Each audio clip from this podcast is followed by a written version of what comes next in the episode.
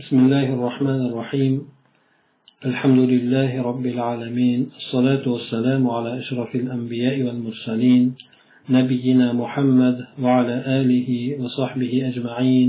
أما بعد فقه الأقليات كتاب davom etib kelayotgan darsimizda aqalliyot holatlarida ya'ni musulmonlar ostlikni tashkil qilgan paytlarida ibodatlari borasidagi hukmlar haqida gaplashib o'tayotgan edik. Shulardan demak beshinchi masalaga kelib to'xtagan ekanmiz. Bu janoza va janozani ba'zi hukmlaridir. Ya'ni e, musulmonlardan boshqa o'lkalarda yashayotgan demak musulmon o'lkalardan boshqada yashayotgan musulmonlar uchun ba'zi hukmlar borasida bu janoza borasidagi hukm ekan. Avvalo ya'ni o'lgan odamni yuvishlik hukmi endi. Fuqarolar o'lgan odamni yuvishlikni tiriklarga vojib ekanligi ya'ni umumiy jihatdan tiriklarga vojib ekanligiga ijmo qilishgan deydi. Demak butun olimlar albatta o'lgan odam yuvilishligi kerak. Bu yuvilishligi albatta e, tirik bo'lgan odamlarni zimmasiga tushadi. Agar musulmon g'assol topilmaydigan bo'lsa ya'ni musulmon g'assol topilmaydi o'lgan odamni musulmon odam bo'lsa musulmon odam yuvish kerak. Ana o'shanday bo'lgan paytda hop musulmon yuvuvchi topilmaydigan bo'lsa kofir bo'lgan odam musulmon bo'lgan odamni ya'ni o'lgan musulmon kishini yuvishligi durust bo'ladimi degan masala ekan.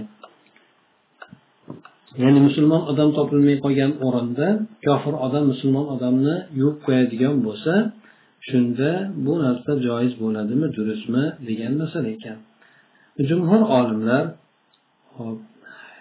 kitobiy bo'lgan ayol musulmon erini yuvishligini joiz ekanligiga hamda musulmon odam o'zini kitobiy bo'lgan ayoli vafot etadigan bo'lsa shuni g'usul qilishligiga yuvintirishligiga joiz deb aytishgan ekan. Imom shofiy shu borada ibora ham keltirib aytgan ekanlarki kofir bo'lgan odam musulmon odamni yuvishligi durust bo'ladi. Musulmonlarga uni qaytadan yuvishligi vojib bo'lmaydi. Mana bu gapni iroqiylar ham aytgan ekan. Chunki g'usul qilishlik o'zi aslida o'likni yuvishlik bu tirik odamni niyatiga muhtoj bo'lmaydi deb aytdi. shuning uchun kofir bo'lgan odam ham yuvsa bo'laveradi deb aytishgan ekan. Bu muallif aytadiki men aytdimki aslida bu borada nahiy kelmagandir. Ya'ni kofir bo'lgan odam musulmon odamni yuvishligi borasida man qilingan ibora kelmagan.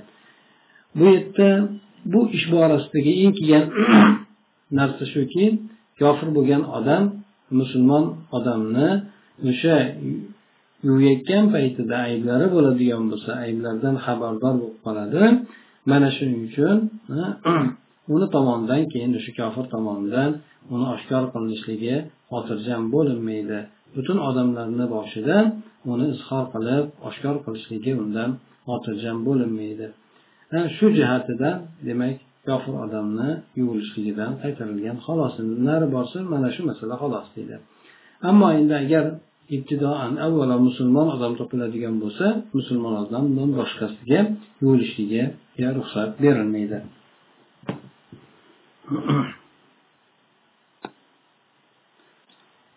Ho'p endi ikkinchi masala bu janoza o'qishlik hukmi borasida.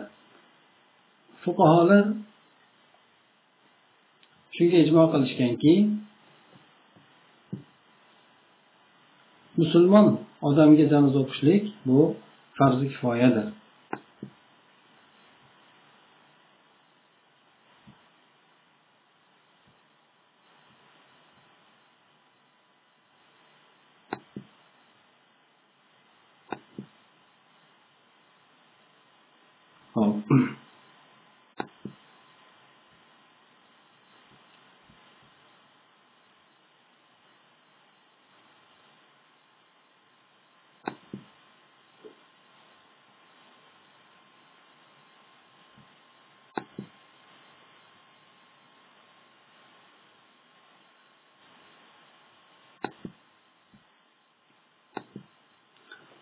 Hop musulmon odamga janoza o'qishlik hukmi borasida demak butun fuqaho olimlari farzi kifoya ekanligiga ijmo qilishgan ekan.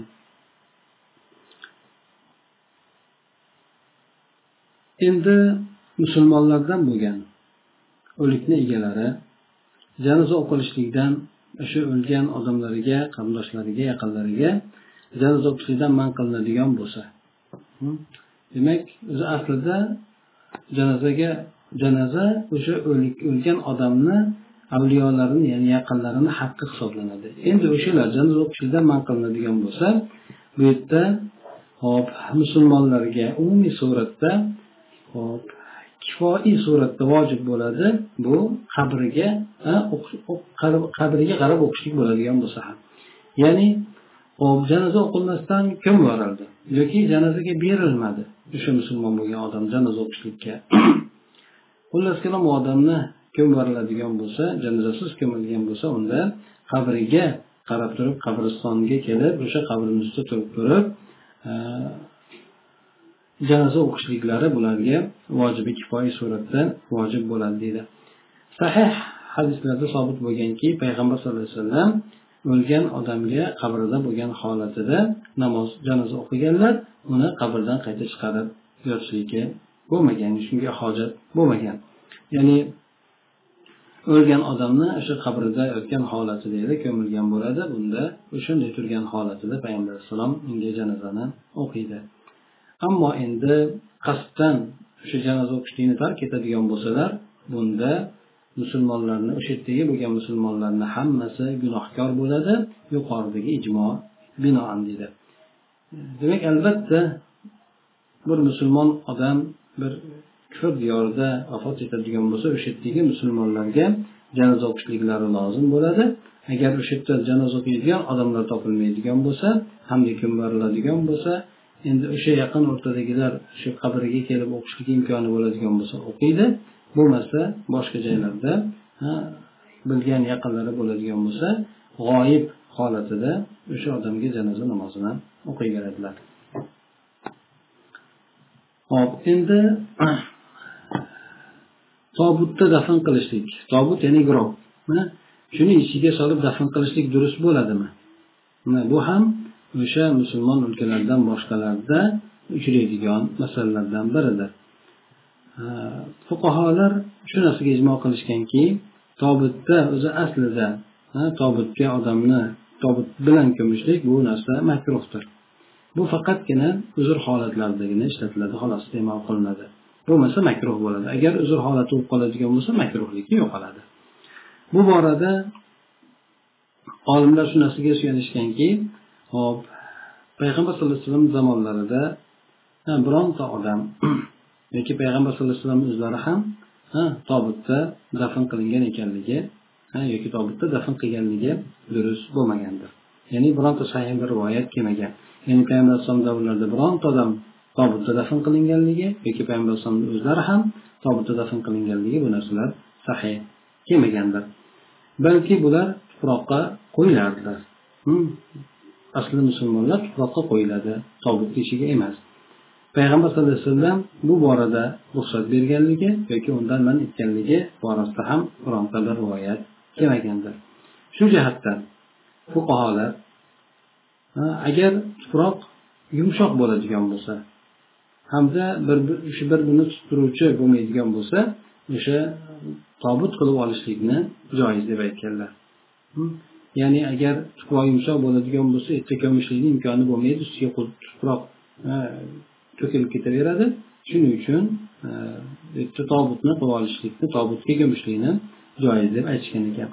Yoki bo'lmasa o'lgan odamni jasadi yonib ketganligi bilan juda judayam e, ketgan bo'lsa yoki bo'linib bo'linib ketgan bo'lsa yoki e, bo'laklarga ajralib ketgan bo'lsa buni faqatgina o'sha sandiqni ichiga yoki bo'lmasa tobutni ichiga e, solishlik shuni tartiblab turadigan darajada bo'ladigan bo'lsa bunda tobutni olishlik tobut qilib tobutni ichiga ko'mishlik joiz bo'ladi deb fuqarolar aytishgan ekan. Yana aytishgan ekanki ba'zi olimlar aytishgan ekanki shunda shu bo'ladiki tobutni ichiga tuproqdan bir sepib qo'yilishligi to'shab qo'yilishligi bu ham sunnatdan deb aytishgan ekan. Shunga binoan hmm, bironta bir shaharni hokimiyati o'lgan odamni tobutni ichiga qo'yib ko'masan deb majbur qiladigan bo'lsa hmm, bu temir tobut bo'lsin yoki bo'lmasa yog'ochdan qilingan tobut bo'lsin demak bu borada uzr topilganligi uchun zarari yo'qdir mana shunday qilinadigan bo'lsa. Aks holda esa bunday qilmaydi. Agar majburiyat bo'lmaydigan bo'lsa unda tuproqqa qo'yiladi. Agar majburlaydigan bo'lsa bu diyorlardagi kabi unda tobut ichiga qo'yib ko'miladigan bo'lsa bu narsani zarari yo'q ekan. Demak bu ham mana shu diyorlarda bilishligi kerak bo'lgan muhim masalalardan bittasi hisoblanadi. To'rtinchi masalamiz esa musulmon odamni kofirlarni qabristoniga ko'mishlik durust bo'ladimi? Fuqarolar ittifoq qilishgan ekanki aslida musulmon odam kofirlarni qabristoniga dafn qilinmaydi. Kofir ham musulmonlarni qabristonlariga dafn qilinmaydi.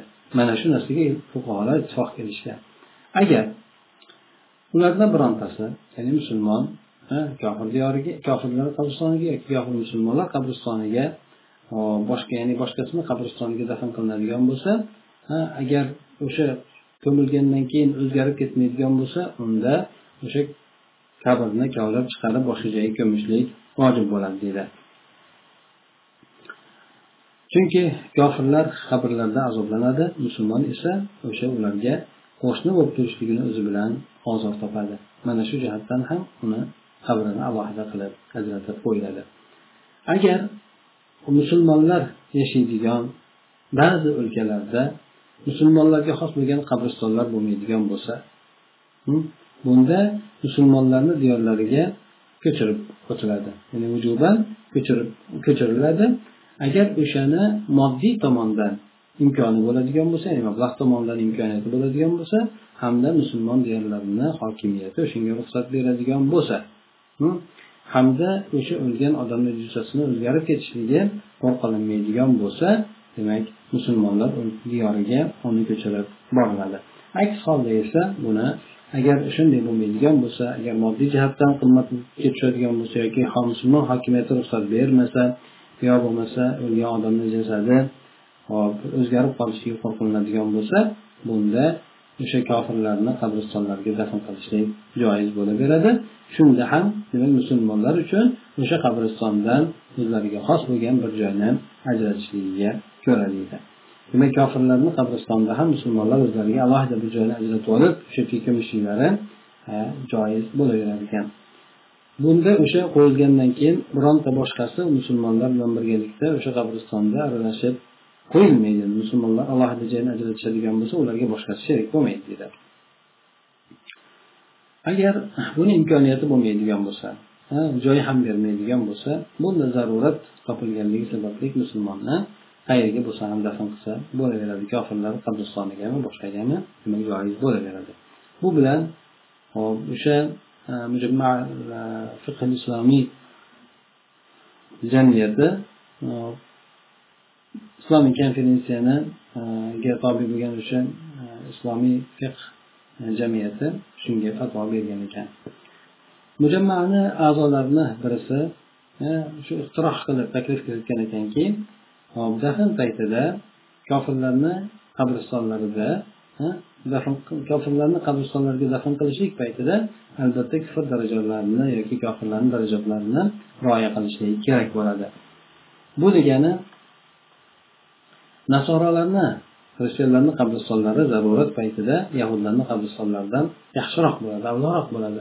Yahudlarni qabristoni esa butparast xudosizlarni qabristonlaridan yaxshiroq bo'ladi. Bu gapni demak ba'zi olimlar aytishgan ekanlar. Endi beshinchi masalaga keladigan bo'lsak beshinchi masala kofir bo'lgan odam musulmon janozasida hm, musulmonni janozasida e, kofir bo'lgan odam ham o'sha janozani ko'tarishligi durust bo'laveradi bu narsadan nahiy kelmagan deydi. Avvalosi o'shanga ruxsat berilmasligi chunki e, janozani ko'tarishlik bu buyuk bir alloh taologa qurbat hosil qilinadigan amallardan hisoblanadi.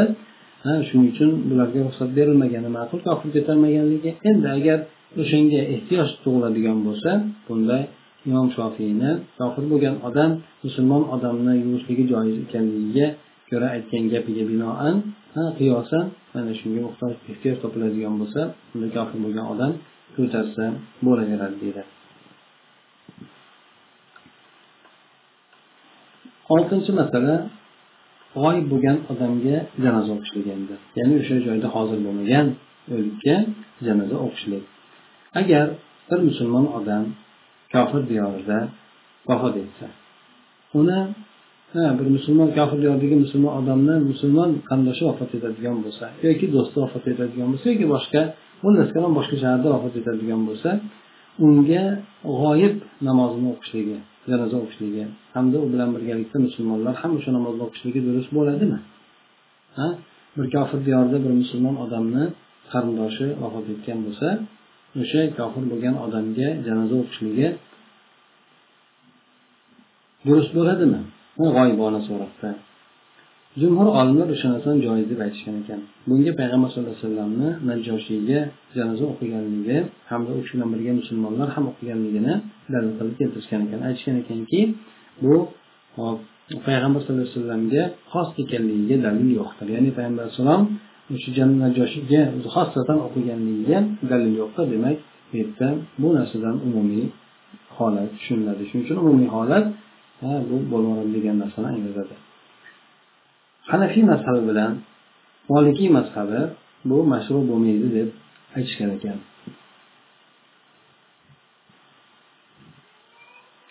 Hattobiy aytgan ekanlarki g'oyib bo'lgan odamga janoza o'qilmaydi.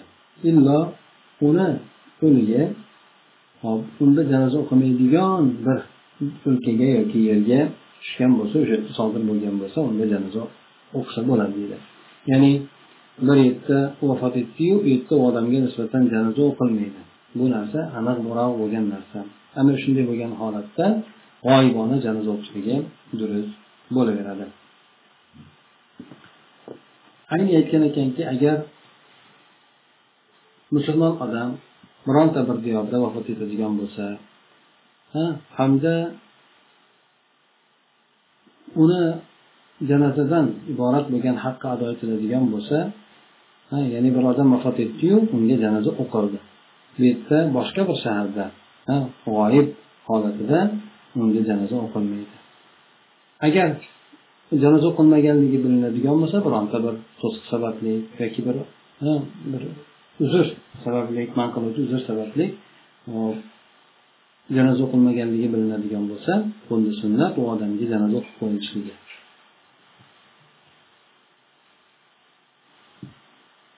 bu narsa esa masofani uzunligiga qarab turib farq qilinmaydi. Qancha uzoq bo'lsin yaqin bo'lsin farqi yo'q.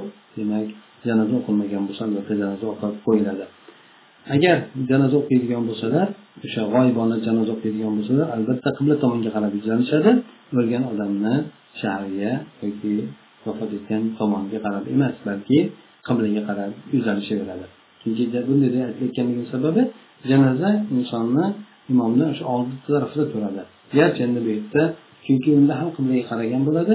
U odam e, teskari orqa tomonda turgan bo'lsa qibla old tomonda bo'ladigan bo'lsa albatta qiblaga qarab namoz o'qiladi janoza o'qiladi men aytdimki deydi rojih bu yerda o'sha jumhurni so'zlari rojihdir payg'ambar sallallohu alayhi vasallamni hop qilgan ishlari esa bu o'sha narsani mashru ekanligiga dalolat qiladi. Hmm, ana shu sababli jumhurni gapi quvvatli bo'ladi. Endi uni joizligiga qo'shimcha qo'yilgan qaydlar esa durustmasdir. Qo'shimcha qo'yilgan qaydlar qaysilar endi ya'ni agar unga moni bo'ladigan bo'lsa boshqa boshqa deb aytildi yuqorida mana shunday qo'yilgan shartlar deydi ortiqcha deb aytadi. Agar ish shunday bo'ladigan bo'lsa payg'ambar sallallohu alayhi vasallam hop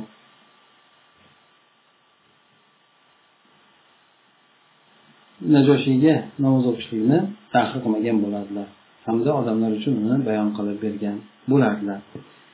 Shunday ekan demak payg'ambar sallallohu alayhi vasallam najoshiyga namoz o'qidi. Bu umumiy suratda bo'laveradi degan gapni keltirib chiqaradi endi. Lekin umumiy suratda albatta janoza o'qilmagan bo'lsa janoza o'qib qo'yishligi kerak bo'ladi. Janoza o'qilgan bo'lsa bunda ixtiyoriy holatda qoladi. Yettinchi masala hop kofir bo'lgan kofir bo'lib vafot etgan odamni ba'zi hukmlari borasida hamda musulmon odamni o'shanga bo'lgan aloqa darajasi qanday bo'lishi mumkin? Hm? Bu masalada ekan.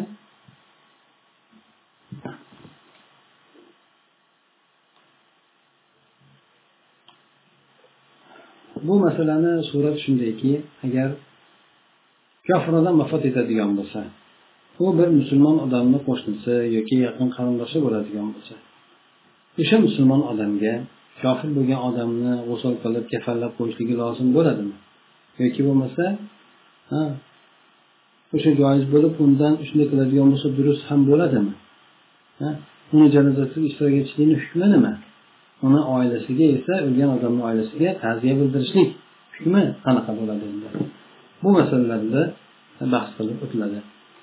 Fuqarolar ijmo qilishganki kofir bo'lgan odamga janoza o'qishlik hamda uni haqqiga mag'firat so'rab duo qilishlik bu kofir bo'lganligi uchun harom bo'ladi. Shunga ijmo qilishgan.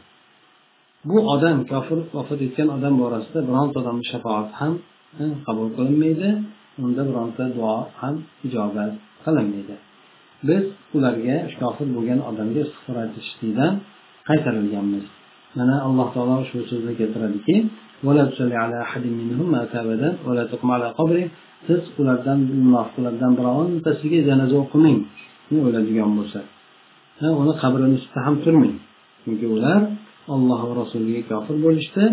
Fosiq bo'lgan holatida esa dindan chiqqan holatda ular vafot etdilar deydi.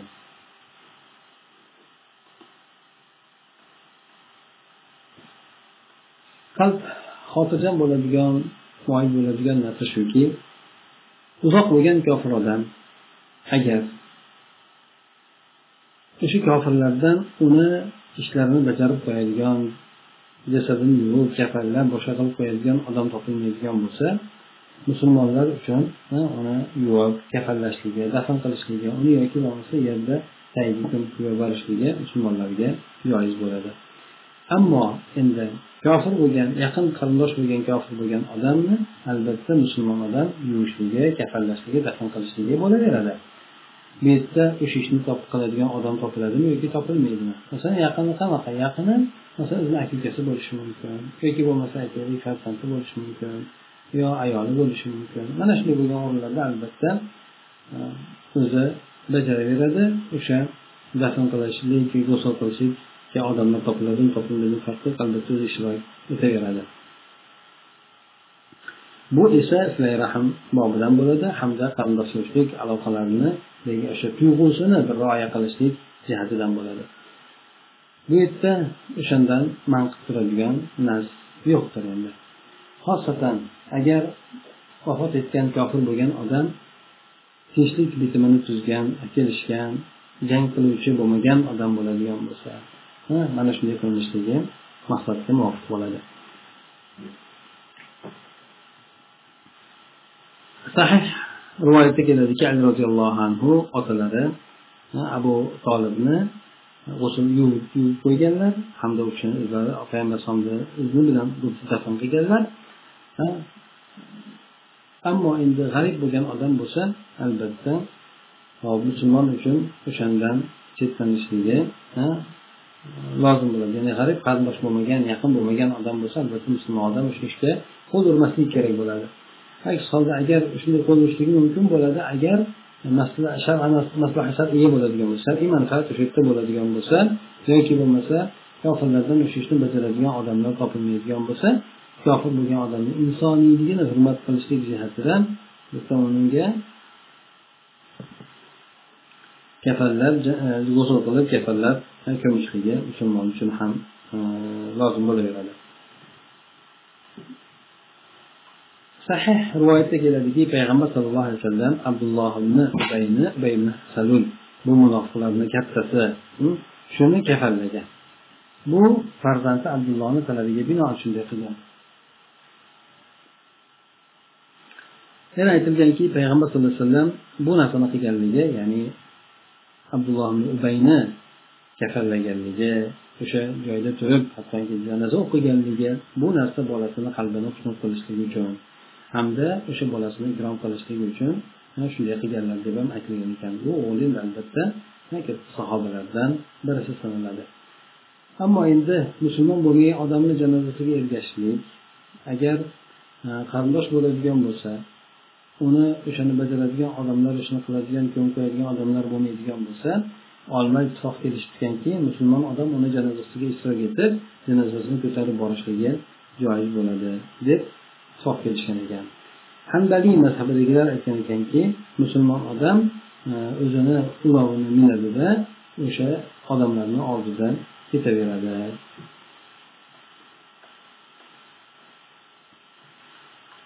Muallif aytadiki men aytdimki agar islom diyorida bunday so'zni aytishlik joiz bo'ladigan bo'lsa agar unga taslim bo'lishlik borasida ya'ni payg'ambar alayhisalom albatta islom diyori bo'lib turgan paytda qilgan o'sha ishni فلا يصح أن يقولوا به في دار الكفر حيث أن المسلمين هناك قليلون مستضعفون وقد يصيبهم من جراء ذلك ضرر hop kufr diyor kofirlar diyorida kufr diyorida uni aytishlik durust bo'lmaydi Chunonchi musulmonlar o'sha yerda ozchilikdir zaifdir. Bularga o'shani ortidan zarar ham yetib qolishligi mumkin bo'ladi shu jihatdan. Bu narsani bo'lmaydi deb aytishgan ekan. Ya'ni musulmon odam ulovini minib oldiga tushib olib yurishligi demak bu borada buni yaxshi emas deb aytishgan ekan. Chunki buni ortidan har fitna gap boshqa narsalar chiqishligi mumkinligidan. Ibn tamiya aytgan ekanki agar musulmon odam e, urush diyorida yoki bo'lmasa kufr diyorida urushmayotgan kufr diyorida bo'lsin yoki urushayotgan kofir diyorida bo'lsin musulmon odam ularga tashqi ko'rinishlarda ham ichkari turishlik muxolif bo'lishlikka ma'mur qilingan emasdir. Ya'ni musulmon odam kofirlarga islom diyorida kofirlarga muxolif suratda turishligi tashqi ko'rinishda ham kiyim kechagida ham unga muxolif bo'lishi kerak. Lekin endi kufr diyorida turadigan bo'lsa dorihatda turadigan bo'lsa albatta tashqi ko'rinishda ularga muxolif bo'lishligi buyurilmaydi.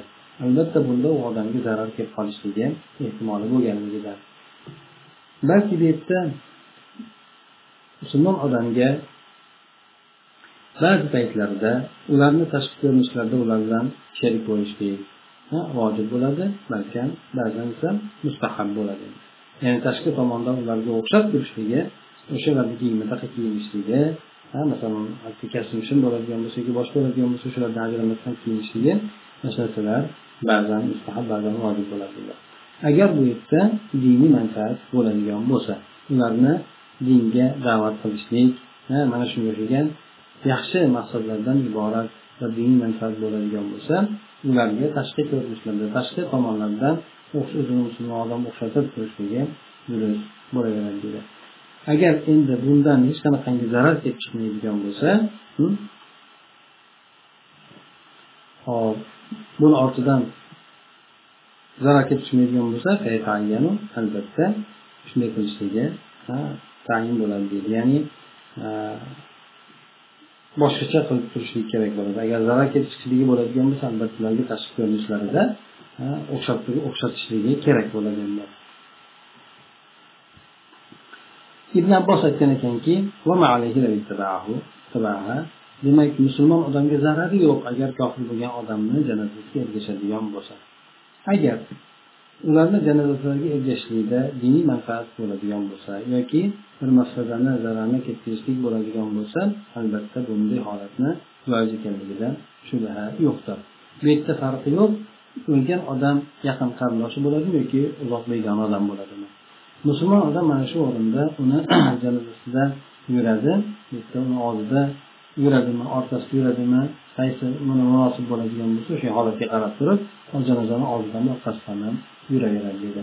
Ammo agar endi agar yaqin qarindosh bo'lmaydigan bo'lsa hm, va bu yerda diniy bir kutiladigan diniy bir manfaat bo'lmaydigan bo'lsa uni janozasiga ishtirok etishlikdan hm, yoki bir o'zidan molidan oila bola jihatdan zararni daf qilishlik bo'lmaydigan bo'lsa bu borada hanafiy mazhab bilan shofiy mazhabi musulmon odam kofir bo'lgan odamni janozasiga ergashishlikni durust ekanligini aytishgan molikilar bilan hamdaylar esa buni aksini xilofini aytganlar ya'ni joiz emas deb aytishgan ekan.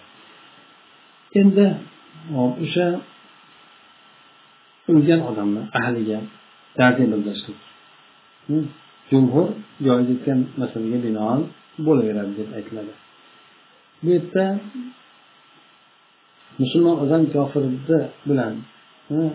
ya'ni musulmon odam kofir bo'lgan odamni kofir yaqini vafot etdi. Shu endi musulmon odamga ta'ziya bildirishlik shu paytda shunday deb aytilishligi mustahab bo'ladi deydi alloh taolo ajringizni ziyoda qilsin buyuk qilsin. Hamda e, aziyat ya'ni ta'ziyani chiroyli qilsin ya'ni tasallini chiroyli qilib bersin degan e, duoni aytiladi. Kofir bo'lgan odam musulmon odam bilan musibatlanadigan bo'lsa yaqin musulmon odam vafot etadigan bo'lsa unda kofir bo'lgan yaqin tanishimi qo'shnisimi boshqasi o'ladigan bo'lsa bu odamga nisbatan aytiladiki alloh taolo sizni o'sha e, ta'ziyangizni chiroyli qilsin o'lgan odamingizni gunohlarini mag'firat qilsin deb aytiladi. Kofir bo'lgan odamni kofir bilan bo'lgan ya'ni kofir kofir bo'lgan odamni e, yaqin odamni vafot etdi. U ham kofir bunda aytiladiki alloh taolo sizga uni o'rniga boshqasini qilib bersin degan mazmunda ibora aytiladi endi.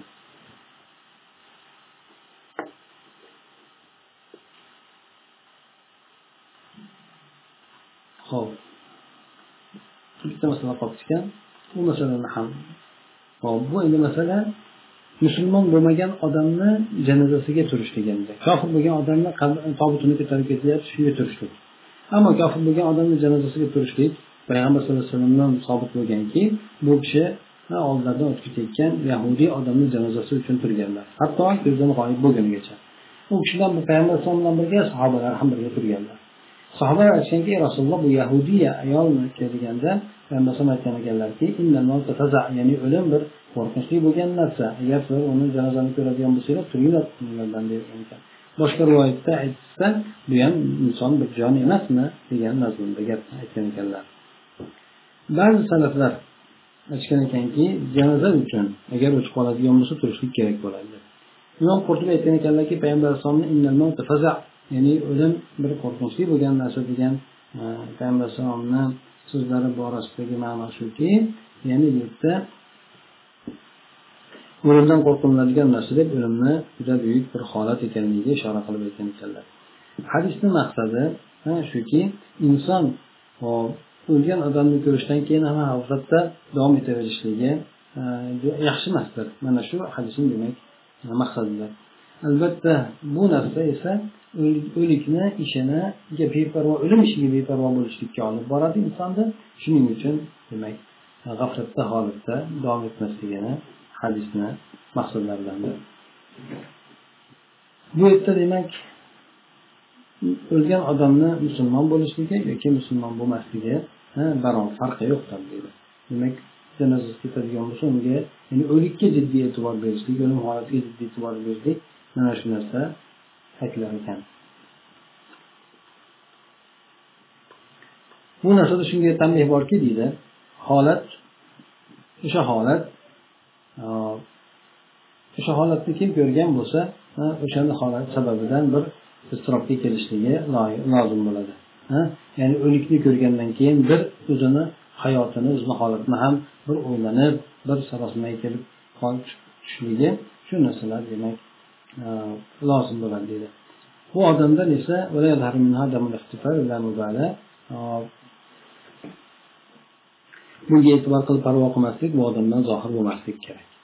Ya'ni o'lgan bo'lgandan keyin albatta o'lgan odamni u musulmon bo'lsin musulmon bo'lmasin boshqasi bo'lsin demak o'limni o'zi yaxshi narsa emasdir. Hm?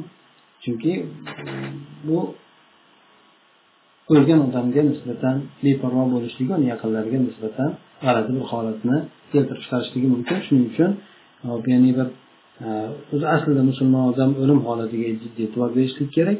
Bundan tashqari o'sha yaqin boshqa bir odam bo'ladigan bo'lsa ham bu odamga nisbatan ozgindagina bir og'iz so'zni aytib ta'zir bildirib qo'yilishligi demak bu maqsadga muvofiq bo'ladi. Olimlardan bir majmuasi shu narsani aytgan ekanki bu o'lim uchun e, o'lgan odam janozasi olib o'tiladigan bo'lsa turishlik mustahab bo'ladi vojib bo'lmaydi deyishgan ekan. Molikiylarda esa bu narsa joiz vojib emas mumkin mustahab ham emas balki joiz bo'laveradi degan gapni aytishgan ekan. Bu yerda demak bir masala bor. Agar kofir odam vafot etadigan bo'lsa hamda bir adolatli bo'lgan odam bu o'limidan oldin musulmon bo'lgan deb guvohlik beradigan bo'lsa undan boshqa hech kim guvohlikka o'tmagan bo'lsa bu odamni demak e, musulmon odamni meros oldirishlik hamda kofirni man qilishlik e, borasida bu odamni shahodati bilan hukm qilinadimi? Demak musulmon bo'lib o'lgandan keyin albatta u musulmon odamdan e, janoza oladi. Nima meros olinadi meros oladi hop endi kofir bo'ladigan bo'lsa albatta kofirni man qilinadi garchi u odamni yaqini bo'lsa ham.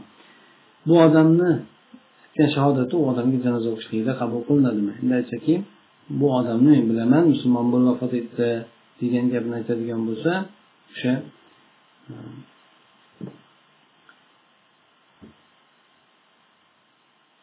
janoza o'qishligida demak guvohligi qabul qilinadimi endi bu odamni? Hop ya'ni bu odam haqiqatdan ekan haqiqatdan musulmon bo'lib o'tibdi deb bu odamni demak musulmonchasiga janoza o'qib musulmonchasiga ko'milishligiga shu narsa yetarli bo'ladimi? Imom navaviy majmu kitobida aytgan ekanki xilof yo'qki albatta o'lgan odamni o'zi yaqin musulmon odam bo'ladigan bo'lsa bunga merosini tashlab ketishligida hamda uni yaqin bo'lgan kofir bo'lgan qarindoshi undan mahrum bo'lib qolishligida uni shu shahodati bilan hukm qilinmasligida xilof yo'qdir. Ya'ni bitta odam baribir bir odamligiga e'tibor qilinadi janoza ehtiyotdan o'qilishligi lekin meros esa albatta e, bir ikkita odamni guvohligiga muhtoj bo'linadi. Hop ammo endi janoza borasida uni ikki xil masala bor ekan. Qoziy husayn shofiy mazhabidan e, bunga janoza o'qishlikda e, uni qabul qilinmasligini roji deb bilgan ekan. Men aytamanki deydi payg'ambar alayhissalomdan sahiy bo'lganki u kishi sahobalarni qabilalariga e, hamda ashoblariga aqidalar borasida boshqa narsalar borasida yetkazib turishligini yetkazib turishligi uchun payg'ambar alayhisalom bularni yuboraverardi.